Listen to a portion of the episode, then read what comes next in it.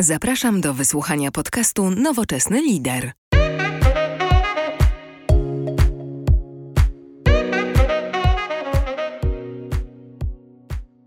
Cześć, witam Was serdecznie w kolejnym odcinku podcaście y, Nowoczesny Lider. Dzisiaj moim wspaniałym gościem jest Szymon. Cześć Szymon.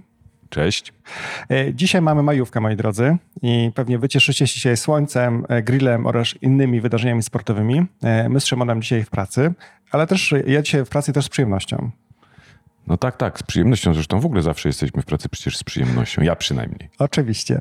I co więcej jeszcze, e, to pewnie o tym popowiem jakiś jeszcze dodatkowy podcast. Ja od e, niedawno, niedawno mieszkam w Krakowie. E, nowe doświadczenia, nowi ludzie, więc pewnie więcej podcastów z tego pięknego miasta. I dzisiaj w biurze Szymona, też istotne, bo to biuro twoje, Szymon, nie jest tylko biurem biurem, ale ma również inną funkcję. No tak, wiesz o tym doskonale, bo byłeś tutaj niedawno na otwieraniu tej nowej funkcji, bo rzeczywiście przenieśliśmy tutaj ostatecznie już formalnie też y, siedzibę konsula honorowego Wielkiego Księstwa Luksemburga w Krakowie. Uważam na to, żeby nie powiedzieć konsulat, ponieważ konsulatów honorowych nie ma jako takich, są tylko siedziby konsuli honorowych. A ponieważ ja jestem konsulem honorowym Luksemburga, no to właśnie tutaj siedzimy przy nawet fladze y, albo dwóch e, i żadna z nich nie jest polską flagą, choć dzisiaj jest święto flagi, przypadkowo. To prawda. E, tylko flagą Luksemburga i Unii Europejskiej. Fajnie, właśnie, bo to chciałem trochę nawiązać do twojej historii. Powiedz mi, jak to się stało, jak jest twoja przeszłość trochę zawodowa, jak to się stało, że trafiłeś tu, gdzie dzisiaj jesteś? No dobrze, to zacznijmy może od y, zupełnie od jajka. Y, Skończyłem germanistykę, to wielu ludzi zaskakuje, kiedy wiedzą, co robię, właściwie skąd taki tutaj germanista gdzieś na y, takich, y, w takich miejscu, ale no tak się złożyło. Lata były wtedy takie, że studiowało się troszeczkę bardziej przypadkowo niż teraz, gdzie to wszystko jest takie bardzo przemyślane. Ale jak widać, nie najgorzej te przypadki czasami się kończą. Przez kilka lat pracowałem jako tłumacz kabinowy głównie symultaniczny. Dosyć wyczerpująca praca. Podobno na liście ONZ-u jest trzecia na, na liście najbardziej wyczerpujących psychicznie prac. Mnie to jakoś nie dotyczyło, no ale faktycznie dosyć e, trudny kawałek chleba. W związku z tym w którymś momencie jednak e, chyba postanowiłem troszeczkę bardziej osiąść. Jeden z moich klientów zaproponował mi objęcie funkcji szefa polskiego oddziału i była to firma produkująca chemię budowlaną, więc przez kilka lat zajmowałem się z dużymi trudnościami, zresztą e, sprzedażą mm, i rozkręceniem sprzedaży y, tejżeż y, firmy produktów na rynku polskim. E, potem miałem chwilę przerwy i trafiłem na 11 lat do mm, już świata takiego bardziej korporacyjnego do firmy Euroscript, która teraz nazywa się Amplexor, której polskim oddziałem przez te 11 lat miałem przyjemność dowodzić. Firma może nie duża, ale o korporacyjnych standardach, bo należąca do dużych grup wydawniczych niemieckich, zajmująca się doradztwem i usługami takimi outsourcingowymi w zakresie um, content managementu, zarządzania dokumentami, usług tłumaczeniowych. No i tam przez 11 lat prowadziłem zespół, który miał w porywach od 25 do 125 ludzi. Tam i z powrotem tak. E, I tutaj już w pewnym sensie zaszyta jest trochę informacja, co potem stało się z tym, że, że dzisiaj jestem właścicielem firmy rekrutacyjnej. No, w takiej firmie właśnie głównie się okazało, zajmowałem się albo niestety zwalnianiem, albo zatrudnianiem ludzi, czyli głównie właśnie wokół, wokół tego, co dzisiaj się nazywa hire to retire. E, złośliwi mówią, że jest też proces hire to fire, no ale to wiadomo. To jest skrócona wersja hire to retire. No i, y, no i po 11 latach w którymś momencie już jednak stwierdziłem, że może wystarczy. A przez kilka lat wcześniej już myślałem, że gdybym odchodził, to chyba jednak na swoje. E, no i tak też zrobiłem. Postanowiłem założyć firmę Executive Search żeby tak nie było prosto, bo rekrutacja to każdy potrafi, a executive search to takie jest troszeczkę bardziej wysublimowane i bardziej może ambitne. No więc taką decyzję podjąłem. Oczywiście jakoś tam też popartą e, jakimś chociaż biznesplanem, Łącznie z tym, że w zasadzie wychodząc już y, na swój własny rachunek, miałem pierwszych klientów, więc to było gdzieś mocno e, przemyślane. Też postanowiłem butikowo pójść jakby w kierunku takim, żeby się jednak wyspecjalizować, więc ponieważ najbliżej mi było do tej branży, która dzisiaj nazywa się Global Business Services, czy Shared Services, czy, czy no właściwie Global Business Services najczęściej się o niej teraz mówi. W Polsce się mówi, jak oni to w Pulsie Biznesu piszą, piszą branża nowoczesnych usług dla biznesu. To, to w tej branży siedzę i na szczęście z powodzeniem przez 4,5 roku już teraz prowadzę firmę głównie zajmującą się rekrutacją y, menadżerów. A z tym konsulatem, przepraszam, z tym konsulem honorowym to mm, jeszcze z czasów Amplexoru czy Euroscriptu, który miał siedzibę centralną w Luksemburgu, chociaż należy do niemieckich grup, należał wtedy do jednej, teraz należy do innej niemieckiej grupy medialnej, ale siedzibę miał w Luksemburgu centralną i no był firmą luksemburską, stricte pracodawcą też w Luksemburgu, dosyć dużym na, na tamtą skalę. To tak się złożyło, że pan ambasador y, y, Konrad Bruch, który zresztą teraz ponownie jest ambasadorem w Polsce, szukał pierwszego konsula honorowego, bo chciał, żeby pierwszy konsul honorowy był w Krakowie. Dzisiaj jest nas kolegów siedmiu, jeśli dobrze liczę. Najwyżej to poprawimy, bo może sześciu. Dobrze. to y, no, znalazł mnie tą drogą, tak, że luksemburska firma wiedział, jakie są w Krakowie czy w Małopolsce luksemburskie firmy, no i tak trafił do mnie i zaproponował mi to. Oczywiście potem zostałem prześwietlony przez wszystkie możliwe e, jeszcze instancje prześwietlające. Dosyć długo trwa ta, ta procedura cała.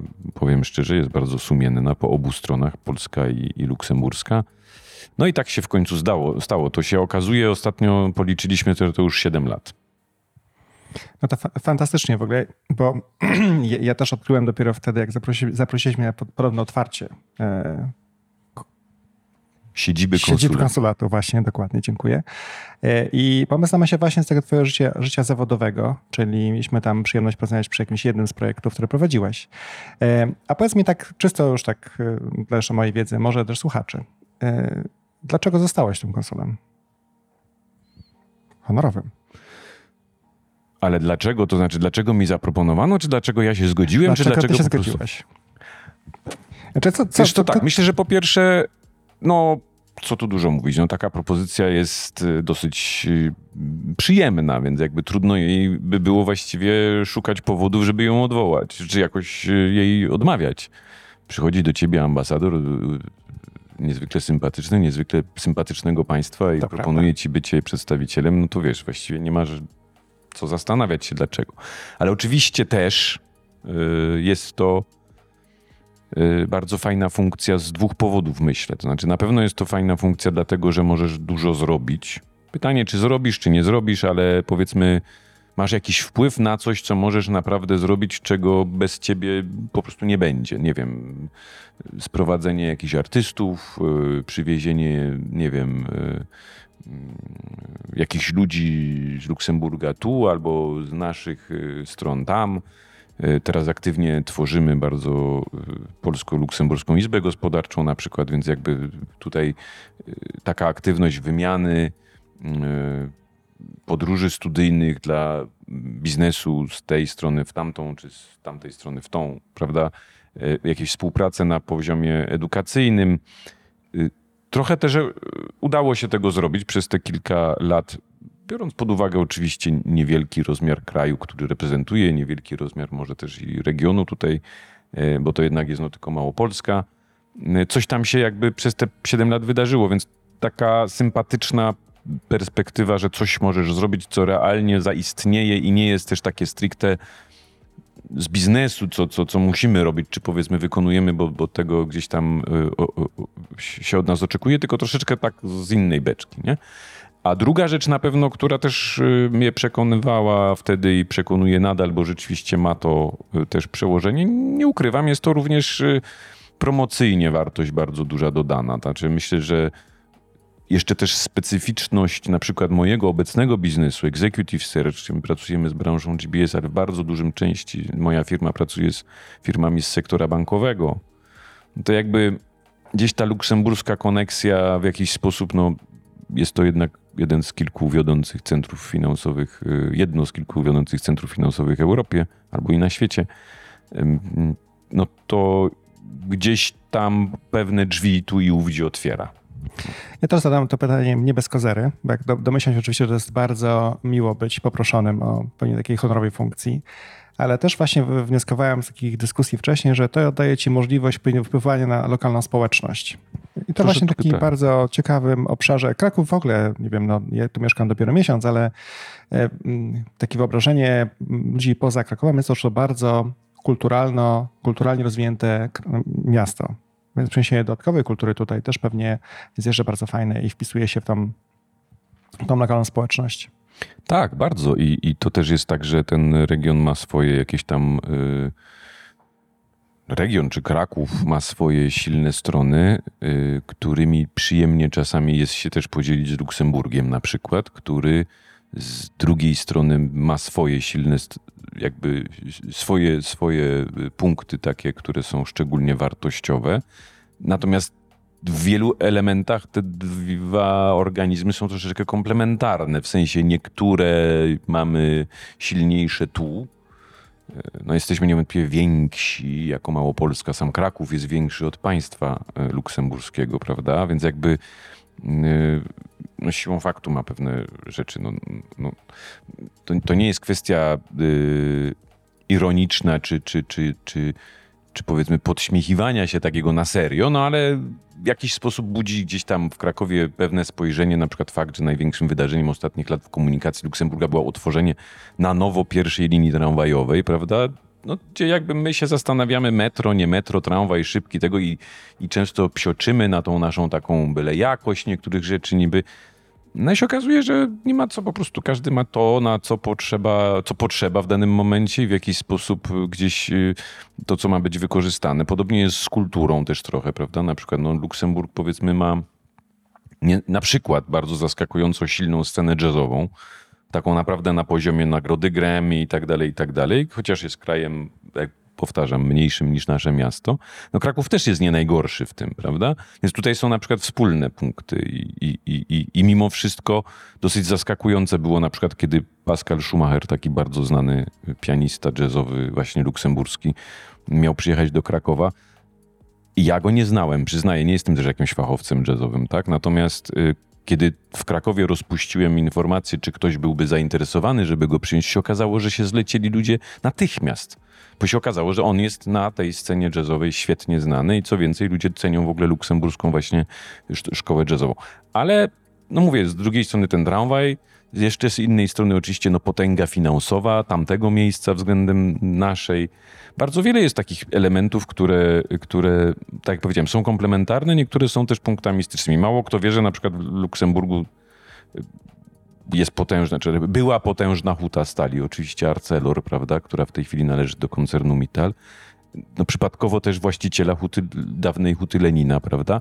Ale jakby to jest jedna wspólna cecha, ale też i to, że obydwie huty prawie, znaczy prawie przestają istnieć, czy też się tak zminiaturyzowały w porównaniu z tym, co było, że pozostawiły po sobie ogromne tereny, na których dzisiaj rozważa się, co zrobić. W Krakowie, a w Luksemburgu się już dawno rozważyło i buduje się tam w tej chwili wielki kampus, gdzie jest uniwersytet, gdzie jest, są biura, gdzie się pojawiła y, hala y, widowiskowa.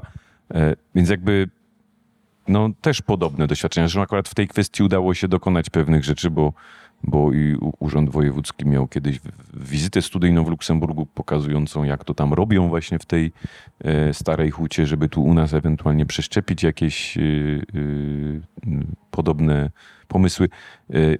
Także to wszystko gdzieś tam jest dosyć ciekawe i w tym obszarze działanie jest naprawdę sympatyczne i przyjemne, a też często dostarcza nam takiej nowej perspektywy że no my mamy takie często w Polsce w ogóle takie spojrzenie, prawda, na zachód, takie troszeczkę, yy, powiedziałbym, zapatrzone. I to fajnie, że jesteśmy zapatrzeni na zachód, bo, bo gdzie, gdzie niby mamy być zapatrzeni?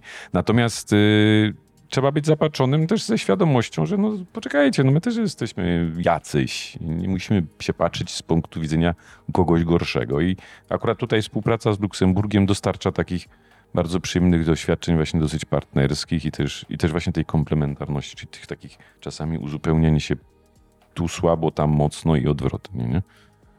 Ja strasznie dobrze, fajnie się ciebie słucha, Szymon, jak opowiadasz o, o, o tej części. Widać pasję w No tobie. jest troszkę tak. jest, dużo pasji i w głosie i jak e, byście widzieli to z Szymona, to jest naprawdę, mógłby, pewnie mógłbyś opowiadać o tym temacie luksemburskim nie tylko do wieczora.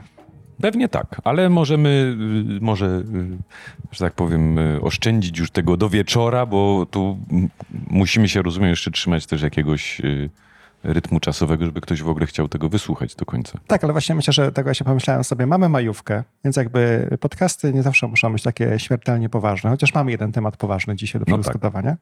I właśnie chciałem teraz może do niego nawiązać, bo e, jednym z takich elementów, które jakby rozmawiając z kolegami, koleżankami e, na co dzień, to też chyba zależy od tego, w jakiej firmie pracujesz, jakiej kulturze pracujesz, ale pojawia się pewien moment, w którym stajesz w sytuacji, w której twój szef oczekuje od ciebie więcej, więcej, więcej, a twoja możliwości czasowe, przerobowe e, no, są jakieś określone. Przynajmniej polskim prawem pracy. 8 godzin praktycznie może być w biurze, jeśli jesteś oczywiście nie na jakimś innym formie kontraktu.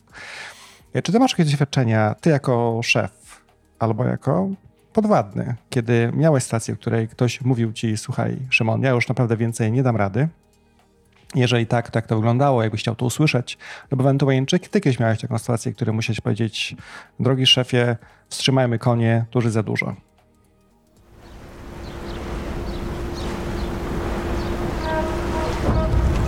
Zapraszam Cię do wysłuchania innych podcastów. Odwiedź nowoczesnylider.pl. Oczywiście jedne i drugie sytuacje miałem. Na początek chętnie bym yy, nie do końca wprost odpowiedział na twoje pytanie. Jedną z ulubionych anegdot, które mi się przytrafiły, to znaczy nie anegdot, tylko anegdot o czymś, co mi się naprawdę przytrafiło w życiu, mianowicie jak e, byłem rekrutowany do tej pierwszej niemieckiej firmy z branży budowlanej, no to tam był taki cykl rekrutacyjny, że byłem dwa razy, wydaje mi się, tam w centrali w Niemczech yy, i pierwszą rozmowę miałem z wiceprezesem do spraw sprzedaży, a potem właściwie nie jako rozmowę, tylko w postaci takiego spotkania, trochę takiego krótkiego przy kawie. Zostałem zaproszony też w ogóle do CEO i tam rozmawialiśmy sobie, bardzo sympatyczny, kulturalny, taki typowy niemiecki, wysokiego szczebla menadżer. Jakoś się tak potem złożyło, że y, jechał na lotnisko w tym samym czasie co ja. W związku z tym powiedział, żebym sobie wsiadł do jego służbowego samochodu. Mm, No i pojedziemy razem. To już była taka zupełnie y, luźna konwersacja. E, I, I pamiętam, że wtedy mu zadałem takie pytanie, a tak w ogóle, bo ja byłem wtedy nowy w ogóle w świecie korporacyjnym, branżowym, ja byłem wcześniej freelancerem, to wszystko było zupełnie inne, też to były lata tam 90., więc też czasy. Już nie mówiąc o tym, że po prostu byłem zwyczajnie juniorem totalnym. E, I zapytałem się go, też patrząc na takie coś jak life-work balance, mówię, a panie prezesie, a jak właściwie wygląda u was te godziny pracy? Czego ja się mogę spodziewać? Oczywiście z dzisiejszej perspektywy bym tego pytania nie zadał, bo czegoż może się spodziewać w godzinach pracy szef sprzedaży firmy, którą trzeba rozkręcić od zera? No wiadomo. Ale mm, zapytałem się go o to. I on mi odpowiedział takim powiedzeniem, które wiele razy do dziś powtarzam w takich sytuacjach, i właśnie to jest może taka pośrednia bardzo odpowiedź na Twoje pytanie. Mianowicie On powiedział tak: Oczekujemy od naszych menadżerów zaangażowania 24 godziny na dobę. W tym momencie tak zawiesił głos. Więc ja już tak. mm. Ale jeżeli nie jesteś w stanie zrobić czegoś w 8 godzin, to znaczy, że jesteś źle zorganizowany. No więc to była taka bardzo fajna, uważam, to jest taki bardzo fajny bon mot, bo to troszeczkę odpowiada na to, jak to jest z tym właśnie wymaganiem rzeczy, które y, są ponad nasze możliwości. I tą ym, maksymę starałem się głównie stosować ja jako szef, bardziej niż jako podwładny, no bo jako podwładny to, to szef musi tą maksymę stosować albo jej nie stosuje. Więc, y, więc mówiąc o tych doświadczeniach, o które ty zapytałeś, no to powiedziałem, że obydwa mia- miałem, czyli i jako podwładny, i jako szef. Y, Jako szef. y, Znaczy ja generalnie miałem taką tendencję, być może, że przesadną nawet, y, taką mam naturę, że jakby y, w pracy da, dawałem bardzo dużo swobody czasami niektórzy zarzucaliby być Boże mi, że nawet za dużo, to znaczy, że zostawiani byli też sami sobie. Myślę, że starałem się w krytycznych warunkach jednak wskoczyć z tym podparciem i wsparciem i parę takich historii pamiętam jedną za chwilę opowiem, bo ona ma trochę związek z tym, co ty mówisz. Natomiast y, przede wszystkim dawałem bardzo dużą swobodę y, menadżerom, którzy już potem no, przekazywali ją, rozumiem, dalej, mam nadzieję. Więc wydaje mi się, że mm, mało się zdarzało takich sytuacji, w których powiedzmy była y, taka presja, żeby dać coś zupełnie nie, nierealistycznego. Natomiast wiadomo, że takie sytuacje się zdarzały w, w sytuacjach krytycznych.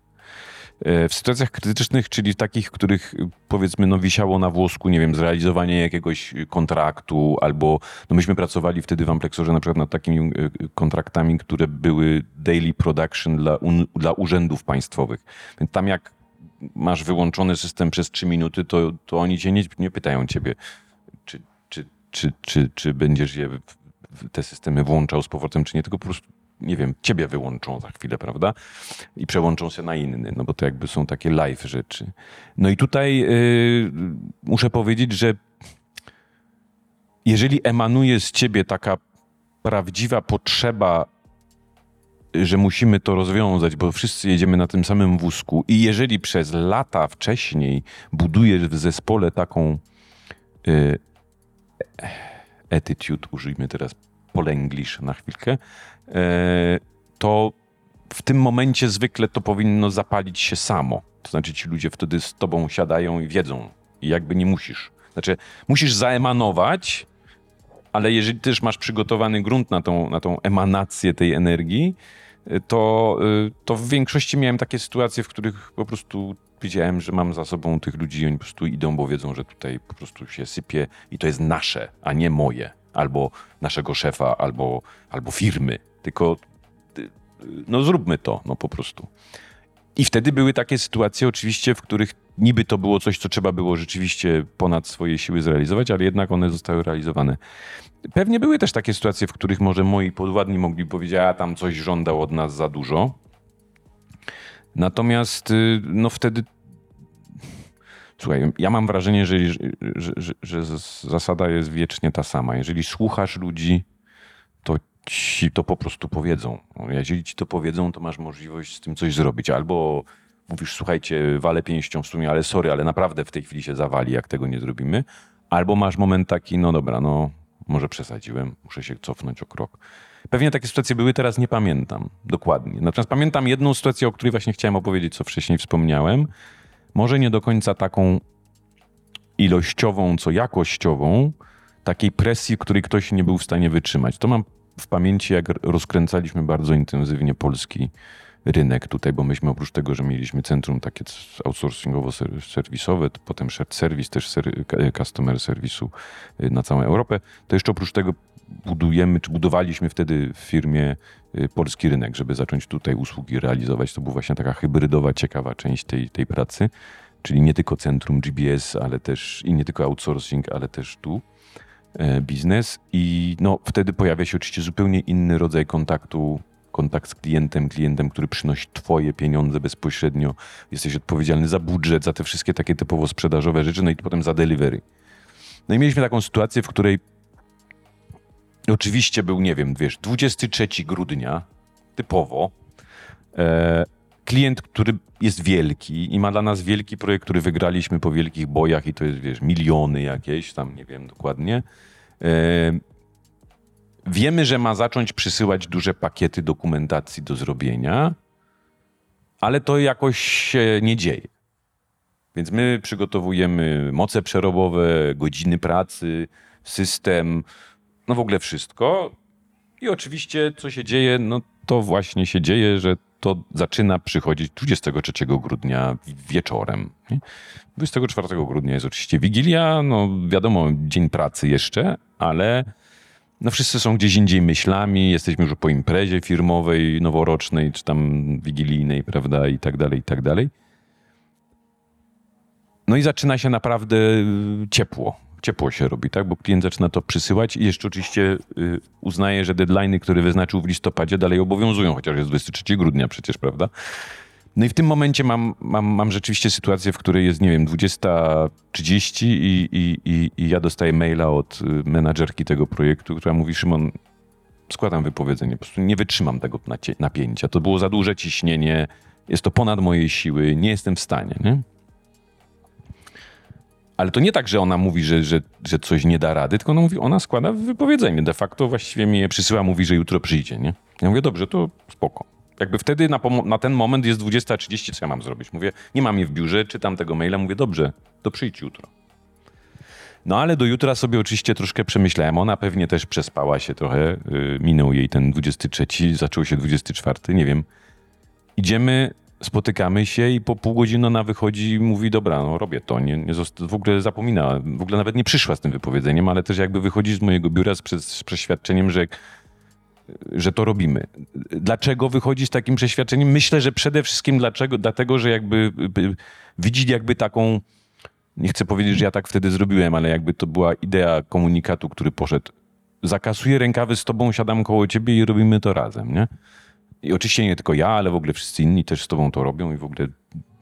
I jakby się okazuje, że nagle się da, nie? Czyli to jest taka... To nie o to chodzi, że ja to opowiadam po to, żeby pokazać, jaki byłem świetnym szefem, bo to nie wiem, no to było fajne, więc nie będę się tutaj kokieteryjnie wstydził, natomiast y, pewnie w innych momentach było, było różnie z tym byciem szefem. Natomiast chodzi mi o sam moment tego, że gdzie te rzeczy się dzieją. One się nie tu dzieją, gdzie nam się wydaje, że nie da się, tylko zwykle to jest tylko nasze wyobrażenie, że się nie da. No i tak samo teraz nie wiem, czy, czy płynnie przechodząc do tej drugiej strony, kiedy to ja E, e, chyba, że chcesz w międzyczasie coś jeszcze. Nie, nie, nie, bardzo proszę, kontynuuj. No bo, bo druga strona oczywiście mi się też zdarzyła, myślę, że częściej, e, kiedy ja to byłem tą osobą, która dostawała takie presje. Pamiętam doskonale z, dwie czy trzy takie sytuacje. Jedna, kiedy robiliśmy projekt restrukturyzacji całej firmy, pojechaliśmy do centrali na spotkanie i na, tej, na tym spotkaniu w centrali dowiedzieliśmy się, że właściwie od jutra zaczynamy te spotkania mieć y, co, ro, co, dwa, co miesiąc, e, dwa, trzy dni w centrali, a, a, a ja dostałem rolę y, asystenta PMO, czyli tak naprawdę byłem sekretarką pro, pro, projekt menadżera wielkiej restrukturyzacji firmy. No w sensie ja byłem odpowiedzialny za to, żeby od 30-40 menadżerów w firmie co miesiąc na przykład pozyskiwać po 30-40 slajdów z wynikami analiz, które oni wykonywali.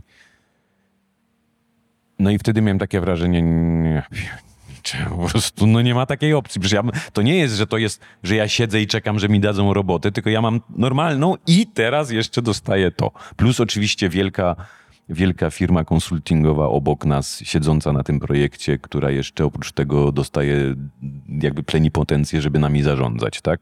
I jakby no robi to w sposób, jakby płacą jej za to, żeby robiła to w sposób bardzo drastycznie wymagający. Więc to było dosyć takie, pamiętam wtedy, że myślałem, że to mi przerośnie przez głowę. Oczywiście potem się okazało, i to znowu troszeczkę odwrotna sytuacja z tą y, projekt menadżerką. Wtedy tam kolejny dowód na to, że w którymś momencie musisz czasami, yy, oczywiście to do tego możemy dojść jeszcze, jakąś tam asertywność pokazać, powiedzieć, że pewnych rzeczy nie, nie przekroczymy, ale bardzo często jest to tylko w głowie to wrażenie, że o Jezus Maria, ja nie dam rady przecież. Potem się okazuje, że jakoś dajesz. Nie? To jest trochę tak, jak ludzie mówią bardzo często, to mi się zawsze przypomina ta sytuacja, kiedy ludzie mówią bardzo często, że, że że nie wezmą psa, bo jak będą mieli psa, to przecież oni cały dzień w domu nie ma i trzeba z nim wychodzić i coś tam. A potem się okazuje, że jak tego psa biorą, bo z jakiegoś powodu się tak dzieje, to się nagle okazuje, że się wszystko da, prawda? Już nie mówiąc o słynnej historii o rabinie z kozą i tak dalej. Więc jakby tutaj myślę, że jest trochę podobnie. Natomiast na pewno no, są też i takie sytuacje, i takie pamiętam, kiedy były, były mm, były historie ponad możliwości. Natomiast, natomiast mało takich pamiętam, kiedy to rzeczywiście było ponad możliwości. To znaczy, albo to było to, co powiedziałem, czyli że się okazywało, że jednak się da, jak się troszeczkę odpuściło najpierw i pozwoliło sobie zobaczyć to z bliska, to się okazywało, że to nie jest takie straszne, jak wygląda.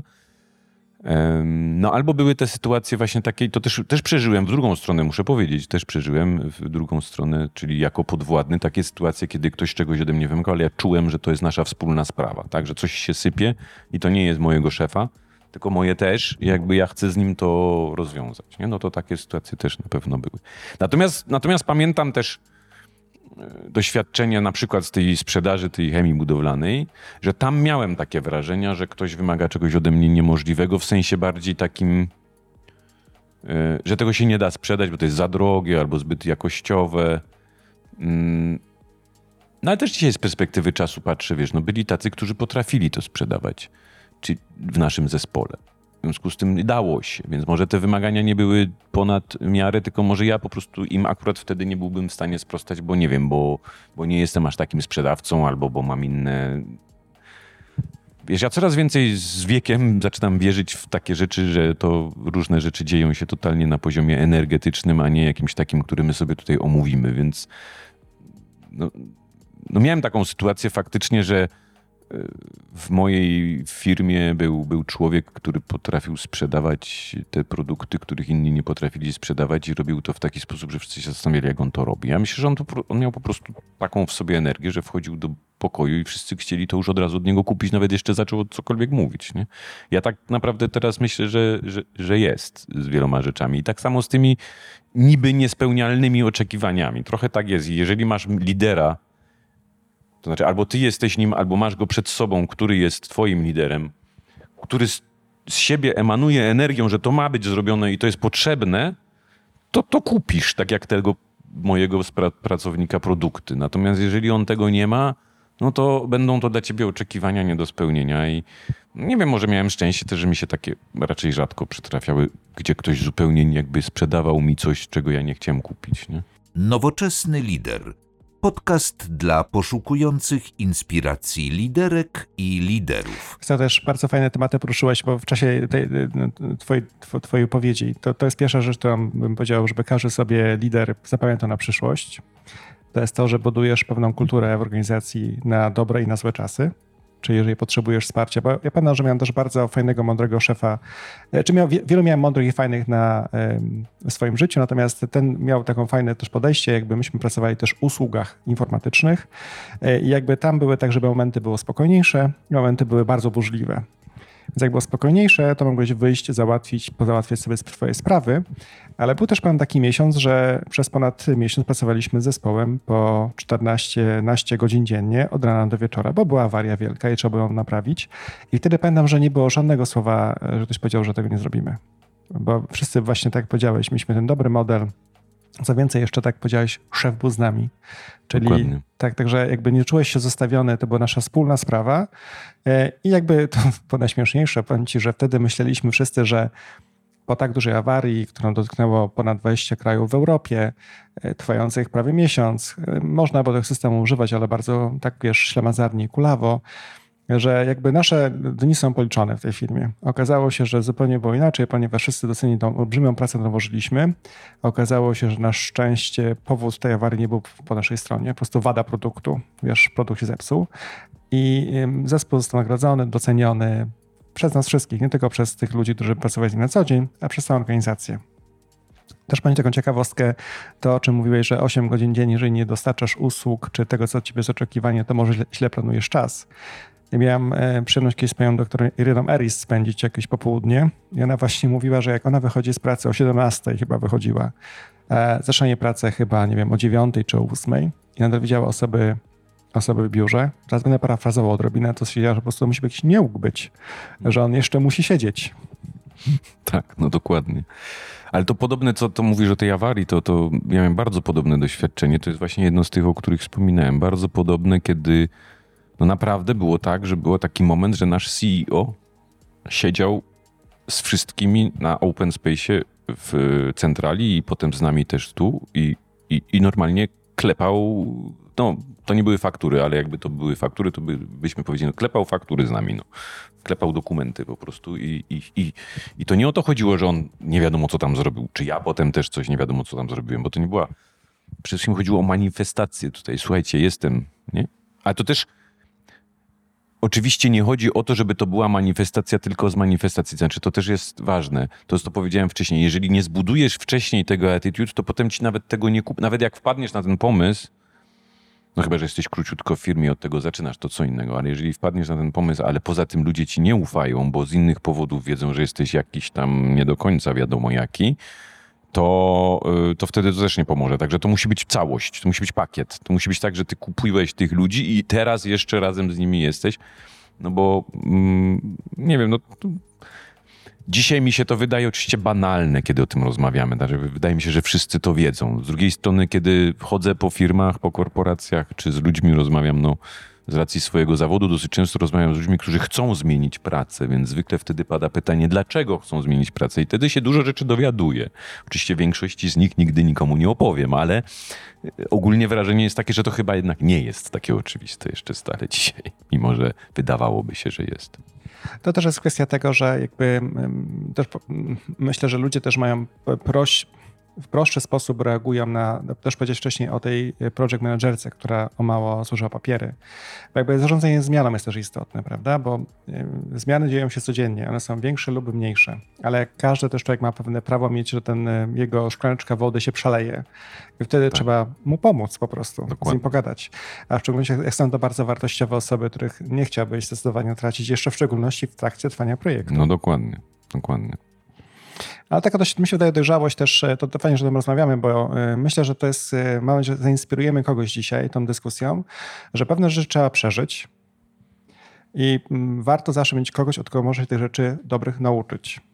No tak, na pewno. Znaczy musisz przede wszystkim no, no, no, różnie mamy ze szczęściem trafiania na wzorce. Tak jak mówię, obserwuję ludzi, którzy mają i często, zresztą to no, nic nowego znowu nie powiemy. Każde badanie dotyczące rynku pracy, zwłaszcza w obecnym stanie, yy, mówi to wyraźnie w odpowiedziach na pytania, dlaczego odchodzimy z pracy. To już jest nawet, powiedziałbym, nudne, jak często powtarza się, że pierwszym odpowiedzią zwykle jest yy, przez szefa. Albo przez zespół ogólnie, albo przez te wszystkie rzeczy związane gdzieś z relacją. Więc już nawet nie chce mi o tym mówić, bo dla, dla, nas, przynajmniej w branży rekrutacyjnej, to te badania już przeczytać tego nie mogę, bo to jest tak oczywiste, jak to, że roboty wchodzą do, y, do centrów. To jest po prostu tak wiadome wszystkim, że szkoda trochę o tym gadać, a z drugiej strony, tak jak mówimy, jednak ciągle tak trzeba, jest. Trzeba, trzeba. Trzeba. Ja zawsze mówię, jak mnie ludzie pytają jakby o poradę, co mam zrobić w kolejnym swoim kroku zawodowym. Ja mówię, znajdź sobie dobrego szefa. Dokładnie. A później znajdź sobie, zobacz co on robi, czy pasujesz do jego układanki. I za tym człowiekiem, jeśli ci pasuje z jakichś tam względów. Tak, a z drugiej strony ja zawsze powtarzałem i powtarzam to do dziś. Oczywiście dzisiaj to już można powiedzieć, że to jest trochę marketing mój, natomiast jak nie byłem rekruterem, no to mogłem to mówić bardziej wiarygodnie. Ja naprawdę w to wierzę, e, że są dwie rzeczy w firmie, które praktycznie załatwiają wszystko jeśli chodzi o udane działanie organizmu, którym szefujemy, to jest y, dobra rekrutacja. Naprawdę, znaczy, jeżeli jesteś dobry w rekrutacji, to masz mało problemów potem.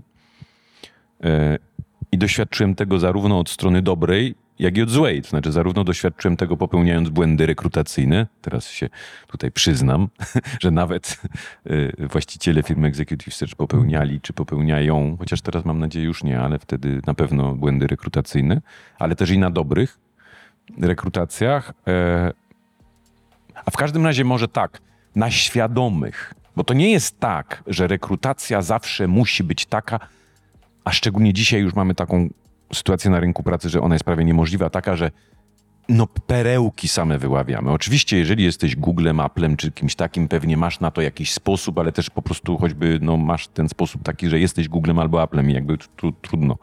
Natomiast, natomiast yy, na pewno świadoma, to znaczy, jeżeli nawet wybieram tą osobę i wiem, jakie są jej słabości, to ja je kupuję, bo ja wiem, że te słabości mi nie będą przeszkadzać.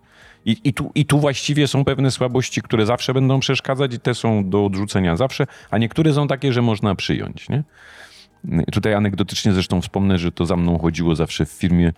E, moi, moi współpracownicy, menadżerowie z, z, średniego szczebla to ukuli u, u, na temat mój, a potem to się już w ogóle wprowadziło do firmy jako, jako pisane kryterium. Znaczy, jakie jest kryterium przy rekrutacji do Euroscriptu wtedy Amplexora?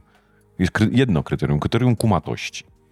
Jakby po prostu, to jest takie ogólne słowo, ale to chodziło o ten pewien zestaw, zestaw, zestaw rzeczy, Zwłaszcza, że myśmy mieli też miękkie profile, nie potrzebowaliśmy. Myśmy mieli bardzo twarde profile dotyczące, y, powiedzmy, proofreaderów. Musieliśmy znać kogoś, kto ma native, nie wiem, estoński i koniec. I to jakby była kwestia do, do, nie, nie do pominięcia. Natomiast na, na szczeblu menedżerskim nie mieliśmy wymagań, po prostu kumaty ma być, czyli, czyli ma po prostu ogarniać i, i, i, i, i być jakby dobry w rozmowie i to wszystko. Więc jakby reasumując, mówiąc, że powiedziałem, że są dwa te elementy dobrej organizacji. Naprawdę wierzę w to, że jak zrobisz rekrutację dobrze, czyli świadomie, niekoniecznie dobrze, czyli same perełki, ale świadomie, czyli wiem, co wziąłem i wiem wtedy, czym zarządzam. Przepraszam, że mówię czym, ale to nie chodzi o ludzi, tylko o czym, w sensie w tych ludziach czym. Nie? Tak, kwalifikacja ehm, strony. A druga rzecz, prawie zawsze albo zawsze, yy, szczególnie w sprawach, które nie idą, jak coś nie działa, to prawie zawsze chodzi o komunikację. Tak? Znaczy, jeżeli nie działa coś w firmie, to prawie zawsze była to potem na końcu rzecz polegająca na tym, że ktoś z kimś się nie komunikował. Ponieważ wszystkie inne rzeczy oczywiście mogą nie działać, tak? Serwer się może wyłączyć. No i co z tego? No to się wyłączył, nie? To jeszcze nie jest jakby. Tragedią jest na przykład, jeżeli nie wiem, jesteś administratorem tego serwera i nikomu o tym nie powiesz. To jest dopiero problem, nie? Czyli to jest, tu się zaczyna problem komunikacji. Albo, albo na przykład on nie działa, bo wcześniej ktoś nie skomunikował z kimś czegoś, że tak będzie, to nie będzie działał. No wiesz, prosta sprawa. No jeżeli ci ktoś nie powie, że w serwerowi ma być 18, czy tam nie wiem, 12 stopni i ty tam będziesz miał 20, no to powiedzmy, nie wiem jak tam jest, ale ty się bardziej na tym znasz. Ale pamiętam, że kiedyś mieliśmy taki problem, że w serwerowni było chyba 25 stopni i wszystkie systemy zaczęły się wyłączać, bo tak miały. No i yy, jakby yy, jeżeli tego nie wiesz, czyli co to znaczy nie wiesz? No nikt ci nie powiedział, czyli nie było komunikacji. Więc naprawdę w większości rzeczy, już nie mówiąc o tych takich poważniejszych sprawach konfliktowych po prostu, kiedy coś nie działa, nawet na takiej zwykłej relacji typu klient jest niezadowolony. No, no, no kiedy klient jest niezadowolony? No w większości wtedy, kiedy masz do czynienia z, nie wiem, po naszej stronie jest zły account manager, nie potrafi się z nim dogadać. Bo, bo wszystko inne Łącznie z takimi naprawdę wielkimi oczekiwaniami klientów albo ich psuciem czegoś, bo znam też takie przypadki, że klienci podkładali nogi. No, czasami, no zresztą jesteśmy w branży GBS, to możemy o tym też mówić często, prawda? Wewnętrzni klienci no, są w ogóle specjalistami w podkładaniu nóg, nie? No ale jeżeli nawet to jesteś w stanie przeskoczyć y, te nogi podłożone, nie? Czasami musisz do tego użyć wielu różnych metod, ale one w większości są z, związane z narzędziami komunikacji. Tyle się mówi dzisiaj o stakeholder management. Co to jest stakeholder management? Nic, tylko komunikat. Więc to są te dwie rzeczy, myślę. Nie?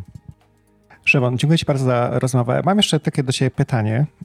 No, na, na koniec, być może podzielisz się planami, czy tym, co się wydarzy w ramach właśnie Twojej współpracy luksembursko-krakowskiej e, w obszarze e, kulturowym. Możesz znaleźć podcast Nowoczesny Lider na wszystkich wiodących platformach, takich jak iTunes lub Spotify. Chciałbym się bardzo podzielić yy, jedną rzeczą, ale na razie się jeszcze nie podzielę, bo nie chcę po pierwsze zapeszać, po drugie trochę jest poufna, ale pracujemy nad długofalowo nad jednym bardzo, bardzo ważnym i ciekawym wydarzeniem, które odbędzie się, miejmy nadzieję, teraz uwaga, za trzy lata i to byłoby wielkie wydarzenie z branży wystawienniczej, bym tak to powiedział, wystawa duża. E, ale jeszcze nie chcę tutaj. Prowadzimy pewne rozmowy, więc nie chcę nic o nich mówić. Ale narodowe dobro kulturowe Luksemburga mogłoby być tutaj ewentualnie w Krakowie kiedyś pokazane, ważne. A z drobniejszych rzeczy, y, tak, no na pewno mamy w listopadzie znowu jazz. Znowu bardzo łatwo się udało po jednym mailu uzyskać chęć y, i, i, i w studiu Polskiego Radia w Krakowie, y, Radia Kraków znaczy, y, to nie jest chyba Polskie Radio, no, albo, albo jest, już nie wiem jak to tam jest. W każdym razie w studiu taka sala jest i tam będzie występował zespół luksemburski, którego nazwę zaraz mogę sprawdzić, ale fajny, taki dosyć też znany. Może nie tak jak Pascal Schumacher, ale, ale, ale znany. Y, no, przy okazji konsulatu pokazaliśmy niewielkiemu gronu widzowni, ale jednak y, y, Bara Sztamę, luksemburski film z Izabel Huppert, który był moim zdaniem bardzo ciekawy. Kinematografia luksemburska no nie jest potęgą, ale po, pojawia się co jakiś czas bardzo ciekawe wydarzenie. No zresztą mało kto wie o tym, że animacja luksemburska jest światowej klasy, a Mr. Hublot y, z 80 chyba, szóst- nie, z 90 któregoś roku to w ogóle jest Oscarow, Oscara wygrał za film animowany i wspaniale jego twórca zresztą jest obecnie twórcą bardzo fajnego spotu reklamowego, takiego animowanego o Luksemburgu i jego przyszłości, bo Luksemburg trochę zmienia swój wizerunek, stara się go zmienić na świecie. Mm, Ale to może na inny podcast jest temat. Więc to y, w najbliższym czasie y, myślimy o y, y, dosyć aktywnym rozruszaniu tej polskiej, luksemburskiej izby gospodarczej. Koledzy w Luksemburgu, którzy mają lustrzaną y, izbę pol- luksembursko-polską, są bardzo aktywni od wielu lat i bardzo dużo tam robią, bo jest bardzo duża też społeczność polskich y, przedsiębiorców, czy też w ogóle menadżerów y, w różnych instytucjach, y, którzy w Luksemburgu pracują i tam się sporo dzieje. Y, My będziemy starali się to robić, ale na razie jesteśmy na etapie organizacyjnych prac. Natomiast będzie w najbliższym czasie mm, kilka wydarzeń. Y, Dużo się kręci wokół dwóch kwestii, czy, czy trzech właściwie. Logistyka, y, luksembursko-polskie współpracujące w tych y, obszarach y, no, in, instytucje są dosyć aktywne. Y, Oczywiście fundusze inwestycyjne, wbrew temu, co nie wszyscy wiedzą, znaczy nie wszyscy wiedzą o tym, że, że Polacy są bardzo aktywni, jeśli chodzi o lokowanie swoich większych, jeśli mają oszczędności w funduszach, które są w Luksemburgu notowane, więc gdzieś tam to się również y, przejawia w statystykach i też w aktywności różnych konferencji, które będą. W najbliższym czasie w maju taka konferencja w Warszawie dotycząca funduszy. I y, trzeci element, który będzie chyba w grudniu, to jest ta konferencja, o której też wspominaliśmy chyba tutaj przy otwarciu, dotycząca space miningu. To jest taki temat, w którym Luksemburg się stara być bardzo mocny, a Polska jest też całkiem niezła. Y, I, I tutaj są dosyć duże, ciekawe, wspólne elementy, które mogą być y, takimi projektami mm, interesującymi, bo, bo, bo obie strony chcą w tym działać. Także mm, gospodarczo też troszkę, ale pytałeś się o kulturowe, no to na razie to są te wydarzenia. Y, Będziemy cały czas y, tutaj monitorować sytuację, co się nam może jeszcze pojawić.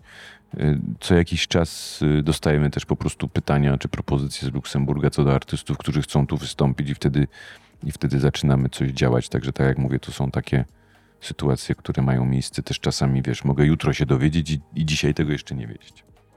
Ja bardzo dziękuję za rozmowę, Szymon. Dziękuję również. E, Reszty miłej, e, czy mi- miłej, ma- miłej majówki, która nam jeszcze została. Dziękuję Tobie nawzajem. I do zobaczenia, usłyszenia. Dzięki. Najnowszy podcast już w niedzielę o 17:00.